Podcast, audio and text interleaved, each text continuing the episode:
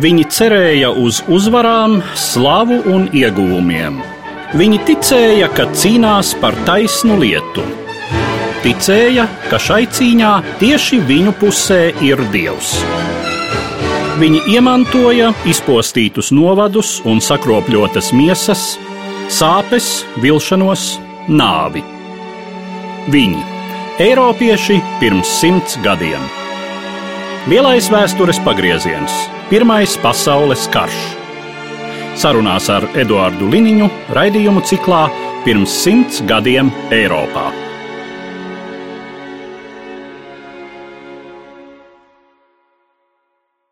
Labdien, cienījamie klausītāji! 1918. gada 8. augusts ir pirmā diena Amjēnas kaujai, Antantes valstu armiju uzbrukumam rietumu frontē un arī iesākums tā sauktajai simts dienu ofensīvai, kas ir, var teikt, Pirmā pasaules kara pēdējā aina. Mans sarunbiedrs studijā šodien kara muzeja pētnieks Dainis Poziņš. Labdien! Labdien! Runājot par 1918. gadu rietumu frontē, pirmie mēneši paiet Vācijas pēdējā spēku saspringzinājumā, tādā izmisīgā mēģinājumā pārsviežot atbrīvojušās divīzijas no austrumu frontes, kur karš ir praktiski beidzies, uz rietumiem, pēdējo reizi mainīt pasaules kara gaitu sev par labu, vāciešiem tas īsti neizdodas. Kurš brīdis ir tas, kad Antantes valstis savukārt saprot, ka ir tā sacīt pienākusi viņu lielā stunda, un kādi ir tie apstākļi, kas to nosaka. Patiesībā 1918. gada vasarā pēc uh, Vācijas lielā pavasara uzbrukuma sabiedroto vidū nemaz nebija tik lielas vienprātības ka šis lūzuma punkts ir tik tuvu, jo patiesībā daudzi virsnieku komandieri un politiķi uzskatīja, ka uh, karu būs iespējams pabeigt labākajā gadījumā 1919. gadā. Bet um, kaujas laukā jau faktiski armijas vadība gan Francijā, gan Lielbritānijā gatavoja pretuzbrukuma operācijas, un šoreiz atšķirībā no iepriekšējām reizēm Plāns bija veidot atsevišķu lokālu, ļoti spēcīgu uzbrukumu sēriju.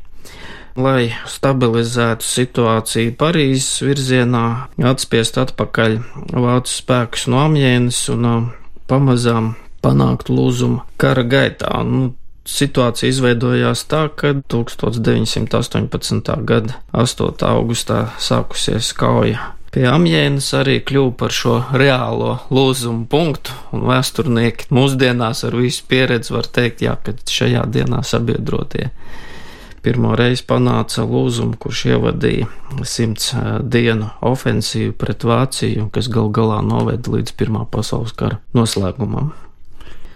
Runājot par šo uzbrukumu, Britiem un Frančiem tajā dienā viss izdodas praktiski tā, kā viņi to ir iecerējuši te jau simtprocentīgi realizēts kaujas plāns, kas ir diezgan reta parādība karu vēsturē.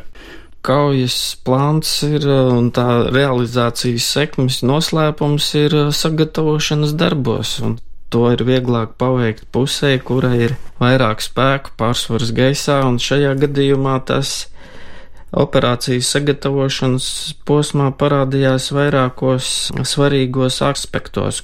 Viens no pirmajiem nosacījumiem bija saglabāt pilnīgu slepenību un noslēpt uh, patiesu uzbrukuma virzienu, laiku un spēku daudzumu, kas tiks iesaistīti militārajā operācijā. Faktiski jau 1918. gada vasarā sabiedrotie veids intensīvu, varētu teikt, militārās pretizlūkošanas un dezinformācijas kampaņu. Viņi centās radīt iespēju, ka uzbrukums varētu būt, varbūt Flandrijā bija daudz tādi lokāli uzbrukumi, izlūkošana, kā teikt, ar kauju, lai samazinātu neitrālo zonu starp karojošām armijām, lai ieņemtu uzbrukumam izdevīgākas pozīcijas un šī darbība notika diezgan plašā frontē, tā kā faktiski Vācu armijas vadībai bija skaidrs, ka Britu un Franču spēki ir aktīvi, bet kur tieši ar kādiem spēkiem notiks šis uzbrukums īsti priekšstata nebija. intensīvi izmantoja radiosakaru maldināšanas kampaņām. Vienībām bija noteikts, ka daudzām jāievēro radiosakaru klusēšanas laiks, nedrīkst nekādu ziņojumu sūtīt, savukārt cits relatīvi nelielas vienības bataljonu līmenī nosūtīja uz blakus sektoriem, tur notika intensīva radio ziņojuma apmaiņa. Karaspēks tika pārvietots pārsvarā naktī ļoti rūpīgi uzmanīja gaisa telpu, lai vācu izlūku lidmašīnas nelidot virs sabiedrotā pozīcijām.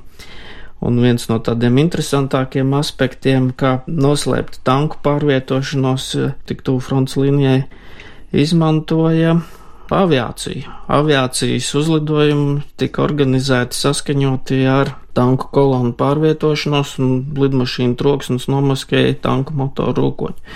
Un tankus slēpa mežēnos apvidos, krūmājos, pamest sagrauzt kaut kāds ēkas, sienas vēl ir palikušas aiz tām, paslēp tanku tālē no vācu pozīcijām. Nekas nav redzams. Un, nu, protams, resursu koncentrācija uzbrukuma sektorā sabiedrotie nodrošināja seškārtīgu skaitlisko pārsvaru, un plus vēl pārsvars tanku ziņā sabiedroto rīcībā bija vairāk nekā 500 tanku. Vācijas armijas rīcībā praktiski nekādi šāda veida tehniskie resursi nebija. Tāpat arī artilērijas un aviācijas ziņā sabiedroto rīcībā bija nospiedošs skaitlisks pārsvars. Nu, un pats uzbrukuma moments bija labvēlīgs. 8. augustā bija silta bezveida nakts, un pret rīta pusi izveidojās migla.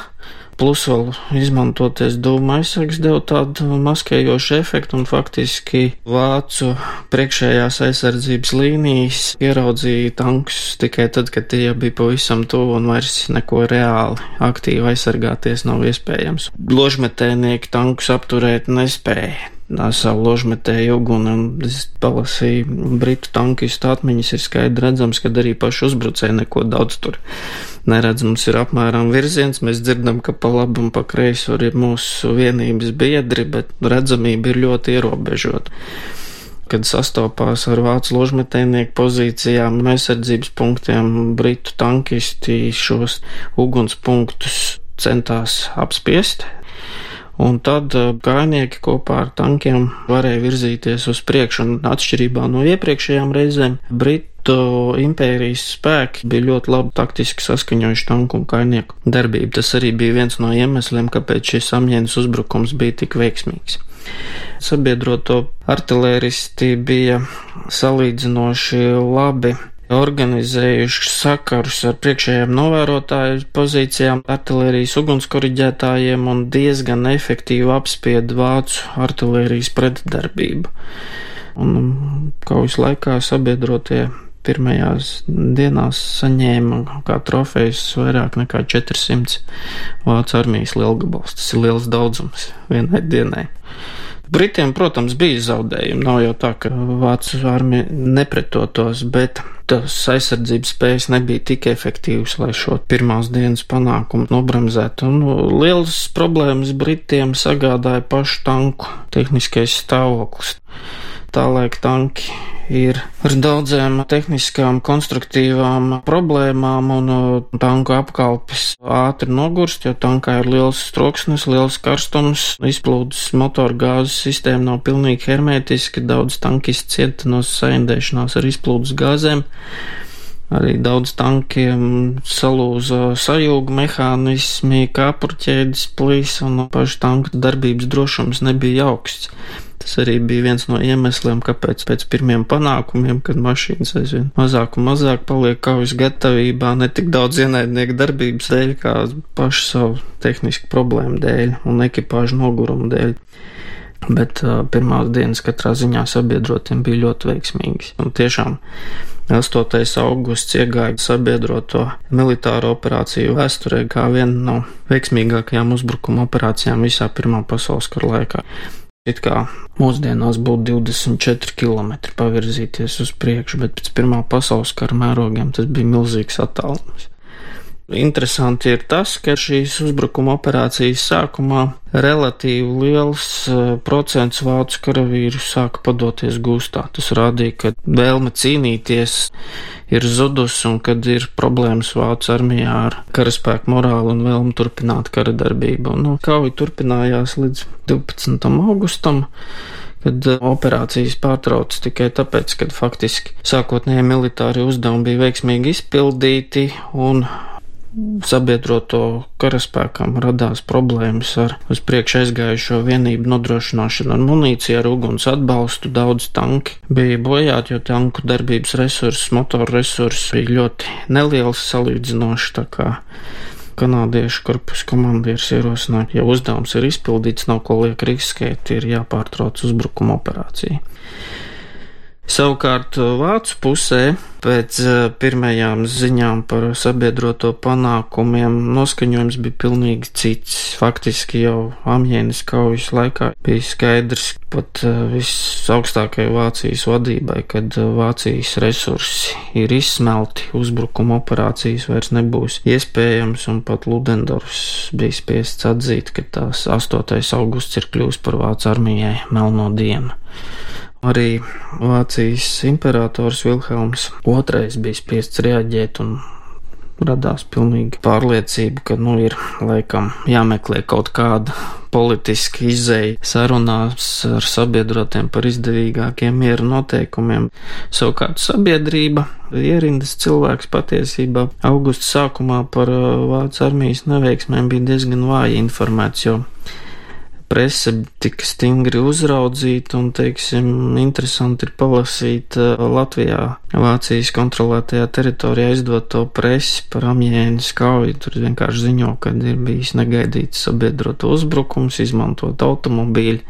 Vācu armija to veiksmīgi atvērīs un viss ir frontē kārtībā, lai gan īstenībā viss bija pilnīgi savādāk. Amjēnas kauja ir svarīga ar to, ka to uzskata kā ievadu kauju šeit simts dienu ofensīvai, jo pēc tam, tūlīt tik līdz beidzās kara darbība, Amjēnas reģionā Britu armijas pavēlnieks Heiks dod pavēlu uzsākt citas uzbrukuma operācijas, arī Franču armija aktīvi darbojās un faktiski Līdz augusta beigām vācieši ir spiesti atkāpties no operācijas Mikaela laikā. Iegūtām pozīcijām ir skaidrs, ka viņi vairs nevar noturēt teritorijas un faktiski augustā ievadītā atkāpšanās vairs īsti neapstājās faktiski tā simts dienu ofensīva, kā sabiedroto literatūrā to dēvē, ir tāds nepārtraukts process. Vācu armija izspiež no Francijas. Ja mēs sakām, ka Vācijas resursi ir izsmelti, ko tas nozīmē gluži tehniski? Gluži tehniski tas nozīmē, ka Vācijas frontes līnijā aktīvām karaspēku vienībām bija problēmas ar pārtiks apgādi. Tā vairs nebija tikai civili iedzīvotāja problēma, tas bija jūtams arī aktīvajā karaspēkā fronts līnijās, vienību komplektēšanas grūtības, jauniesaucamo deficīts, tāpat tehniskie bija skaidrs, kad sabiedrotie modernizē lidmašīnas, ievieš apbruņojumā jaunus tankus, un tie ir aizvien lielākā skaitā, turpretī Vācu armijā tanku skaits ir ārkārtīgi niecīgs. Inženieru rūpnīca strādā, bet nav daudzuma, nav apjoma. Un lielos šādos militāros konfliktos skaits un daudzums ir tikpat svarīgs faktors kā tehnikas kvalitāte. Nepietiek uztaisīt vienu ļoti labu tanku, jo viens šāds nespēja panākt lūzumu, ir vajadzīgi simtiem pat tūkstošiem šādu te tehnikas vienību. Vācu industrija, vācu ekonomika šādu sacensību vairs nevarēja izturēt. Un vēl tas, ka 18. gada beigās mainās psiholoģiskais noskaņojums armijā, jo pavasara uzbrukums un neveiksmes pie amjēnas un vispār augusta neveiksmes atstāja nomācošu iespēju uz vidē līmeņa. Komandējošo sastāvu bija skaidrs, ka ir piedzīvot pamatīga neveiksme, un pat uh, zemākā līmeņa un vidē līmeņa virsnieki vairs neredzēja iespējas savā tūmā, nu kā tad Vācija varētu panākt lūzumu kara gaitā sākās uh, dezertēšanas gadījumi, sabiedroto uzbrukuma operācijās, uzbrukuma laikā daudz lielāks procents vācu karavīru vienkārši padevās gūstā. Absolūtos skaitļos par to ir rakstīts ārkārtīgi daudz, cik kuram kāda dzīvā spēka resursi, milzīgas tabulas, bet šī gadījumā varbūt tos skaitļus nemaz tik daudz nav īsti detalizēti pārskaitīti. Nu, varam salīdzināt vienu parametru Amjēnas kaujas laikā - lidmašīnu daudzums. Vāciešiem 365, Britiem un Frančiem, Kanādiešiem, Austrāliešiem pār pa 2000 lidmašīnām. Ko dod lielāks skaits kāda priekšrocība, tā tad var turēt pastāvīgi gaisa patruļus, intensīvāk uzmanīt gaisa telpu. Vāciešu lidmašīnu skaits neliels, tātad izlūk lidmašīnu lidojums nevar tik efektīvi atbalstīt ar iznīcinātāju kaujas grupām. Faktiski Vācu aviācija nespēja veikt efektīvu izlūkošanu, nemaz jau nerunājot par uh, uzlidojumiem, bombardēšanas uzlidojumiem vai triecienu uzbrukumiem. Vienkārši sabiedrotiem ir nospiedoši pārsvars gaisā. Tas pats uz sauszemes. Tanku daudzums. Britiem tanki ir, vāciešiem praktiski viņi nav. Tas arī atstāja iespēju uz karaspēku, jo visi jau redz, pretinieks nāk mums virsū ar tehniku, bet mums ir tikai tradicionālie lielgabalu pretanku šautens rokas granāts.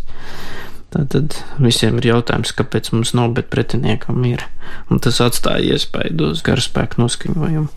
Varētu šķist, varbūt mazliet paradoxāli, ja mēs runājam par pārtikas trūkumu. Vācijas armijā galu galā Vācija bija ieguvusi plašas teritorijas austrumos, tā skaitā Ukrainu, kur audzētā labība pirms Pirmā pasaules kara tika eksportēta uz Eiropu. Kā vācieši mēģina izmantot jauniegūtās teritorijas austrumos? Protams, ka Vācija to darīja intensīvi, un ja šo teritoriju nebūtu, tad Vācijai problēmas būtu daudz lielākas, bet ir jāpatur prātā, ka kara darbība atstāja ļoti lielu iespaidu uz kara darbības skarto reģionu ekonomiku. Gan tieši, gan pastarpināti.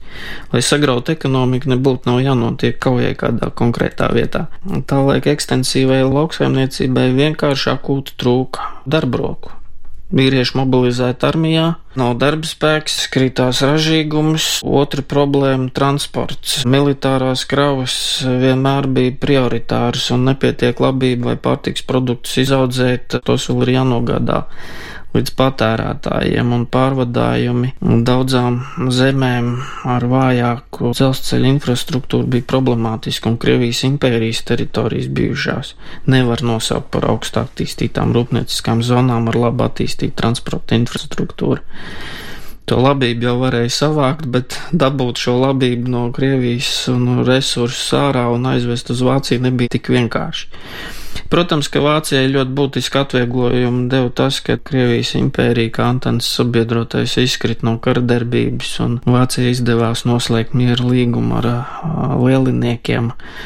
Un tā bija viena no galvenajām sabiedroto problēmām 18. gadā, kāpēc politiskā un militārā vadība bija bažīga un kāpēc sabiedrotiem bija tik ļoti svarīga Amerikas iesaistīšanās kardarbībā amerikāņu kapitāls un amerikāņu rūpnieciskie resursi ļoti lielā mērā palīdzēja gan finansēt, gan tehniski apgādāt uh, Britu un Franču armijas. Tāpēc arī Antantei bija šī priekšrocība ekonomiskā aizmugure Amerikas Savienotās valstis. Britu flotē, tirzniecības flotē vācu zemūdeņu darbība nodarīja pietiekami liels zaudējums 1917. gada kampaņās, un arī sabiedrotiem nebūtu nebija vienkārši. Bet, ja tev ir mazliet vairāk resursu, mazliet vairāk cilvēku resursu, tad, neskatoties uz grūtībām, ir izredzes izķeparoties. Kā zināms, Vācijai joprojām tajā brīdī ir sabiedrotie, joprojām karā piedalās Austro-Ungārija, Bulgārija, Osmaņu impērija. Kāds ir raksturojot tā vispārīgi tas stāvoklis citās Pirmā pasaules kara frontēs un uh, situācija šajās valstīs? Situācija Vācijas sabiedrotajiem bija smaga gan Austro-Ungārijai, gan Turcijai, gan Bulgārijai sabiedroto pārsvars izpaudās ne tikai rietumfrontē Francijas eh, teritorijā, bet arī citos karadarbības sektoros, un viens no pirmajiem eh, sabiedrotajiem, kas izkrita no ierindas Vācijai, ir eh, Bulgārija. Sabiedrotie sāk militāru ofensīvu un Bulgārijas karalis Ferdinands spiests atteikties no varas jau septembra vidū, un tas ievadīja ķēdes reakciju septembra vidū. Edmund Allen bija komandētie spēki pārņem kontroli pār Palestīnu, atspiež Turcijas armiju. Tāpat eh, problēmas rudenī veidojās Austrungārijai, karojot pret Itāliju. Itālijas armija arī atgūstās, un Austrungārijas resursu izsīkums ir tik liels, ka Austrungārija zaudē Triestas reģionu. Problēmas no Vācijas tās sabiedrotiem izplatījās faktiski pēc augusta, septembra kaujām ļoti strauji. Arī pārējie sabiedrotie acīm redzami sāk zaudēt kaujas spējas. Vācijas sabiedroto vidū vēlme turpināt kardarbību ruka vēl straujāk nekā pašā Vācijā. Kāds ir šo militāro sakāvju politiskais efekts? Oktobra sākumā Vācija pilnīgi oficiāli lūdz sabiedrotajiem pamieru. Un tas ir ļoti īsts laika periods. Ja mēs atceramies, kā kara sākumā, cik sīvas kaujas un mēnešiem ilgi gāja procesi, tad faktiski no 8. augusta līdz 4. oktobrim šis laika periods ir ļoti īss. Tas, ka Vācijas armija netika sakauta tik smagi, lai sabiedrotie ielaustos Vācijas teritorijā. Vēlāk, protams, radīja dažādus mītus, kāpēc tad Vācija šo karu zaudēja, un 20. un 30. gados aktīvi tika popularizēta teorija par dūrienu mugurā, kad kreisās politiskās partijas ir novājinājušas Vācu armiju nevis zaudējumu kaujā. Pirmā pasaules kara beigās, protams, bija cilvēki, kur uzskatīja, ka mums vēl ir armija, mums vajag cīnīties par katru cenu, un mēs varbūt panāksim lūzumu kara darbībā, bet realitātē tas vairs nebija iespējams. Jā, tas ir diezgan interesants un arī atsevišķi droši vien daudz pētīts process, kā šajā brīdī rīkojas Vācijas armijas augstākā vadība, atbildību par kara iznākumu, maksimāli cenšoties uzvelt eh, tieši valsts politiskajai elitei. Kā zināms, eh, šis process maksāja troni ķēzaram Vilhelmam un visai Hohenzollern dinastijai Vācija pārstāja būt monarhija Pirmā pasaules kara izskaņā un kļūst par republiku, bet eh, šis mīts kas vēlāk visnotaļ baro nacistu propagandu un uh, mehānismu, kura rezultātā Hitlera režīms nāk pie varas. Tātad mēs, vācieši, esam izcili karotāji, mēs būtu varējuši cīnīties, bet lūk, žīdi un uh, sarkanie, nu, un arī acīm redzot, liberāļi, tātad mīkst čauļi mūs piedabūja padoties. Jā, nu šī situācija rāda, kā tiek pasniegta informācija, kā tiek interpretēti fakti, sevišķi pirmajā brīdī, tūlīt pēc notikuma, vēlāk pēc tam spēlē ļoti lielu lomu, kā šis stāsts sabiedrībā attīstās. Pirmā pasaules kara beigās varbūt viens no tiešām armijas vadības manevriem informācijas jomā izspēlēt šo domu, ka ne jau Vācijas armija ir zaudējusi karu, bet Vācijas politiķi bija viena no, tā varētu teikt, pēdējām militārajām veiksmēm ļoti sliktā situācijā. Man pašam šeit bija ļoti interesanti palasīt Latvijas presi Vācu okupācijas zonā, kā tiek interpretēti Amienas kaujas notikumi, absolūti nav sajūta, ka Vācijas armija būtu zaudējusi kādas teritorijas vai cietusi nopietnu sakāvi. Šāda informācija paliek sabiedrības atmiņā, un tad cilvēki pēc tam uzdod jautājumu, kā tam mums avīzē rakstīja, ka mēs esam veiksmīgi atvērījuši uzbrukumu, kāpēc tam mēs pēkšņi kapitulējam. Tas ir pilnīgi loģisks jautājums. Bet reālā situācija kaujas laukā bija tāda, kad uh, Vācijas bruņotie spēki tika uzveikti ar militāriem līdzekļiem un atspiesti atpakaļ. Un tikai tad sāka brukt morāli. Un interesanti ir vēl arī pavērot, kā paši Britu armijas virsnieki, žurnālisti, laika biedri uztvēra Amjēnas kaujas rezultātus. Vairākos aprakstos redzams, ka laika biedri atcerās, ka pēc Amjēnas kaujas, kad mēs tik īsā laikā tikām uz priekšu, neskatoties uz to, ka bija diezgan ievērojami dzīvā spēka un tehnikas zaudējumi, gan armijā, gan politiskajās aprindās radās pārliecība, ka mēs varam uzvarēt šo karu. Cīņas spars pieauga. Tas ir redzams gan presē, gan vēstulēs, gan atmiņu aprakstos, ziņojumos, kad ir pilnīgi redzams pacēlums, radusies sajūta, ka mēs varam šo karu uzvarēt un piespiest Vāciju padoties. Un šis lūguma periods ir faktiski 1918. gada augusts, septembris. Ja mēs runājam par situāciju Latvijā, kas, kā mēs zinām, tobrīd ir Vācu okupēta un pilnībā kontrolēta teritorija, tad Kad šeit ir konstatējamas kādas pazīmes, ka politiski, sabiedriski aktīvākie latviešu darbinieki sāk saprast, ka pasaules karā iestājas uh, radikāls atrisinājums. Pavērsienu punkts arī ir faktiski 1918. gada rudenis, 18. gada vasaras beigās, rudenī daļa no latviešu pilsoniskiem politiķiem aktivizējās šeit, rudens periodā faktiski jau atslāpst.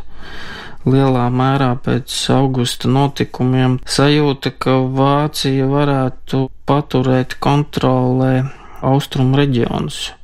Latviešu politiķi jau un sabiedrība tīri teritoriāli bija Pirmā pasaules kara beigās sadalīta ar frontes līniju. Tie, kas bija devušies bēgļu gaitās, palikuši Petrogradā aktīvi darbojās Latviešu pagaidu Nacionālajā padomē, un tur jau bija pilnīgi skaidrs šai latviešu politiķu grupai, kad ir jāorientējās uz Antantes valstīm jāmeklē kontakti ar Britiem, Francūžiem, tur nav nekādu šaubu par to, kādu politisko kursu izvēlēties. Teiksim, demokrātiskam blokam tie cilvēkiem, kas palika Vācijas okupētajā zonā bija to brīdi vēl līdz pamieram atklāt darboties praktiski neiespējami, bet vienalga noskaņojums mainās. Nu, ir skaidrs, ka tam latviešu zemniekam tas vācu mužnieks un vācu impērija diezko nepatīk. Neviens nebūtu sevišķi lielā sajūsmā, ja Vācijas impērijas ietekmes kādā formā saglabātos Baltijas reģionā. Un arī tīri ekonomiski situācija jau īstenībā Latvijā bija diezgan skarba, jo ir dažādi šie ierobežojumi tirzniecības vācu. Vairs iestādes tiešām centās kontrolēt pārtikas preču apriti un dažādi reglamentēja un visu, ko vien iespējams transportēja uz Vāciju. Protams, viņi arī rūpējās, lai tie zemnieku saņemt sēklas vai dabūt darbiniekus, tur dažādi rīkojumi, kā organizēt darbus, gan mežā, gan lauksaimniecībā, kā organizēt preču tirzniecību, teiksim, nēģu ķeršana bija stingri kontrolēta, un tur bez armijas virsnieka klātbūtnes un uzraudzības nemaz nēģi taci nevarēja likt iekšā, bija viss jāuzskait un tūlīt jādod armijai. Tas bija ikdienas sastāvdaļa to brīdi, 18. gadā šeit Latvijā. Tā kā tās Vācijas problēmas bija jūtamas uz katra iedzīvotāja galda. Un, protams, lai kādas arī būtu nākotnes perspektīvas un lai ko domātu, tad Vācijas sakāve šeit tika sagaidīta drīzāk ar optimismu tā varētu uzskatīt. Protams, ir citas politiskās problēmas, par kurām vēl ļaudis uztraucās, teiksim, lielinieku režīms, Krievijā pilsoņu kara situācija, kā tas iespējot šīs pašas ideoloģiskās cīņas latviešu starpā, bet gan teiksim, pilsoniskai sabiedrības daļas vairumam, gan kreis noskaņotajai sabiedrības daļai Vācijas zaudējums Pirmā pasaules karā absolūti nebija problēma. Vācijai šeit līdzjutēji daudz nebija. Par to, kādi tad ir šie notikumi Latvijā konkrētāk 1918. gada otrajā pusē, tā noteikti būs tēma vēl citos mūsu šī gada raidījumos, bet par šo sarunu, kas bija veltīta kaujai pie Jēnas 1918. gada augustā un tālākajiem notikumiem Pirmā pasaules kara gaitā es saku paldies manam sarunbiedram, kara muzeja pētniekam Dainim Poziņam. Paldies! Ticība un cerības, vilšanās un nāve, zaudējumi un ieguvumi. Pirms simts gadiem Eiropā. Raidījumā šīs dienas acīm sarunājamies par Pirmo pasaules karu.